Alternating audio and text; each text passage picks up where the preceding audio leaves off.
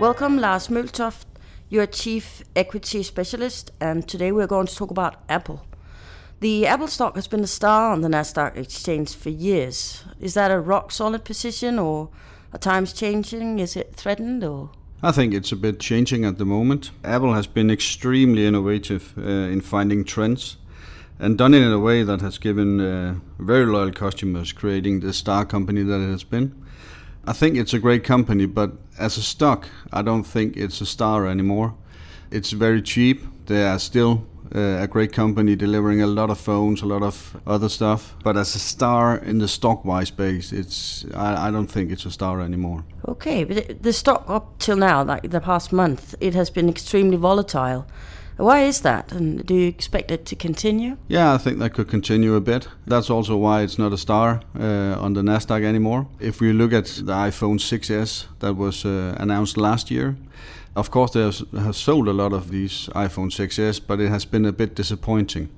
And uh, the reason why it has been so volatile lately is because of uh, negative comments from some of the suppliers to the iPhone and that's uh, creating worries about the production of uh, of the iPhone. And uh, lastly, we had the Q1 numbers from Apple, and they disappointed. And for the first time in 12 years, they actually had declining revenue.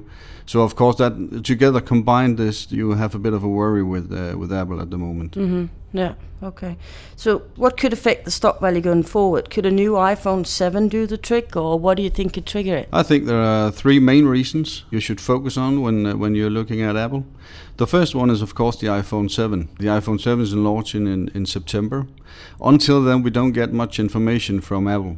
So, on the production side or on the product side, uh, the iPhone 7 is extremely important for Apple at the moment. Mm-hmm. Of course, also when you, you look at the, the iPhone 6s, which has disappointed a bit and the declining revenue. So iPhone 7 will be the main point. The other one is the distribution, cash distribution to uh, to clients or to investors.